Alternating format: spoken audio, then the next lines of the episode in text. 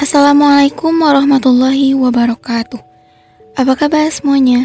Perkenalkan, nama saya Ceni Nur Inaya dengan NIM 2009201 dari Program Studi Pendidikan Sosiologi Universitas Pendidikan Indonesia Angkatan 2020 kelas 2B kelompok 10. Pada kesempatan kali ini, saya akan membahas mengenai sebuah topik, yaitu tentang efektifkah kebijakan pemerintah dalam menangani pandemi COVID-19. Seperti yang kita tahu dan kita rasakan bersama, selama hampir satu tahun ini, di negara Indonesia, bahkan hampir kebanyakan negara di dunia dilanda pandemi COVID-19. Dan selama itu pula, kita semua mengalami banyak sekali perubahan dari segi pola hidup, interaksi sosial, dan dalam hal lainnya. Tidak hanya itu saja, Sejak kasus positif pertama di Indonesia dikonfirmasi pada awal Maret 2020 lalu, kasus positif COVID-19 terus mengalami peningkatan dari hari ke hari. Bahkan, beberapa waktu terakhir, rekor kasus positif harian mencapai ribuan kasus. Hal ini tentu menjadi hal yang sangat memprihatinkan bagi kita semua. Nah, oleh karenanya, sejak awal pandemi, pemerintah telah menetapkan sederet kebijakan dalam rangka menekan angka positif COVID-19 dan tentunya untuk memulihkan kondisi ke keadaan semula. Berbagai kebijakan tersebut meliputi di bidang kesehatan, ekonomi, pendidikan, sosial, dan dalam bidang lainnya. Yang di antaranya adalah seperti penerapan PSBB atau pembatasan sosial berskala besar di berbagai daerah, protokol kesehatan, study from home dan work from home, hingga pembagian bantuan sosial berupa sembako dan uang tunai. Data per 13 Februari 2021 yang dilaporkan pada situs resmi Satgas COVID-19 menunjukkan angka 1.210.703 kasus positif COVID-19. Tentunya ini banyak sekali ya. Nah, mengingat semakin bertambah banyaknya kasus positif COVID-19, membuat sebuah pertanyaan muncul. Sebenarnya, efektifkah kebijakan yang ditetapkan oleh pemerintah dalam menangani pandemi COVID-19 ini?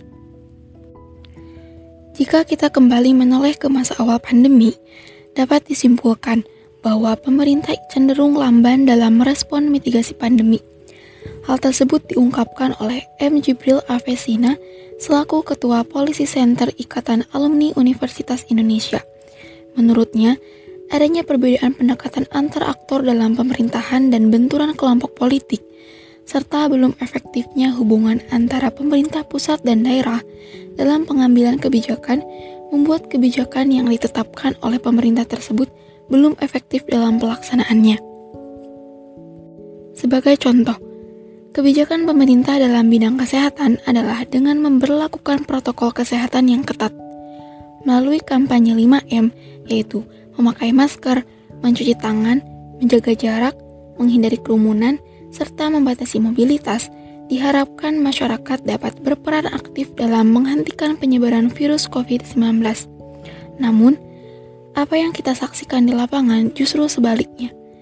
Masih terdapat masyarakat yang tidak acuh terhadap protokol kesehatan tersebut dan bahkan melakukan pelanggaran, seperti tidak memakai masker, tidak menjaga jarak, bahkan cenderung mudah membuat kerumunan, yang mana kondisi tersebut berpotensi terjadinya penyebaran virus COVID-19.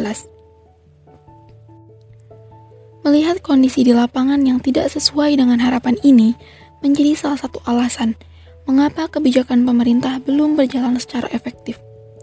Dari hal itu, kita tahu bahwa pandemi COVID-19 bukan hanya menjadi tanggung jawab pemerintah atau para pemimpin daerah saja, kita sebagai masyarakat juga memiliki tanggung jawab yang sama dalam menyelamatkan negara ini dari ancaman pandemi yang berkepanjangan. Namun, di sisi lain, pemerintah juga harus menetapkan sanksi yang tegas terhadap setiap pelanggaran, bukan hanya sekedar teguran atau denda saja. Dan tentunya harus menjalin koordinasi yang kuat antara pemangku kebijakan, mulai dari pusat hingga daerah dalam rangka menetapkan langkah yang tepat untuk menangani pandemi COVID-19. Selain itu, baik pemerintah ataupun masyarakat harus bisa menjadikan kesehatan serta keselamatan bersama sebagai prioritas utama di atas segalanya.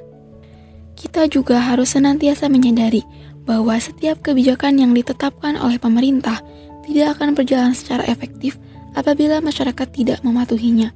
Oleh karena itu, yuk lebih taat dalam menjalankan setiap peraturan yang ada, bukan hanya untuk menyelamatkan diri kita saja, tetapi juga untuk kita semua, negara bangsa Indonesia. Sekian yang dapat saya paparkan. Mohon maaf apabila ada kesalahan dan kata-kata yang kurang berkenan. Terima kasih dan sampai jumpa.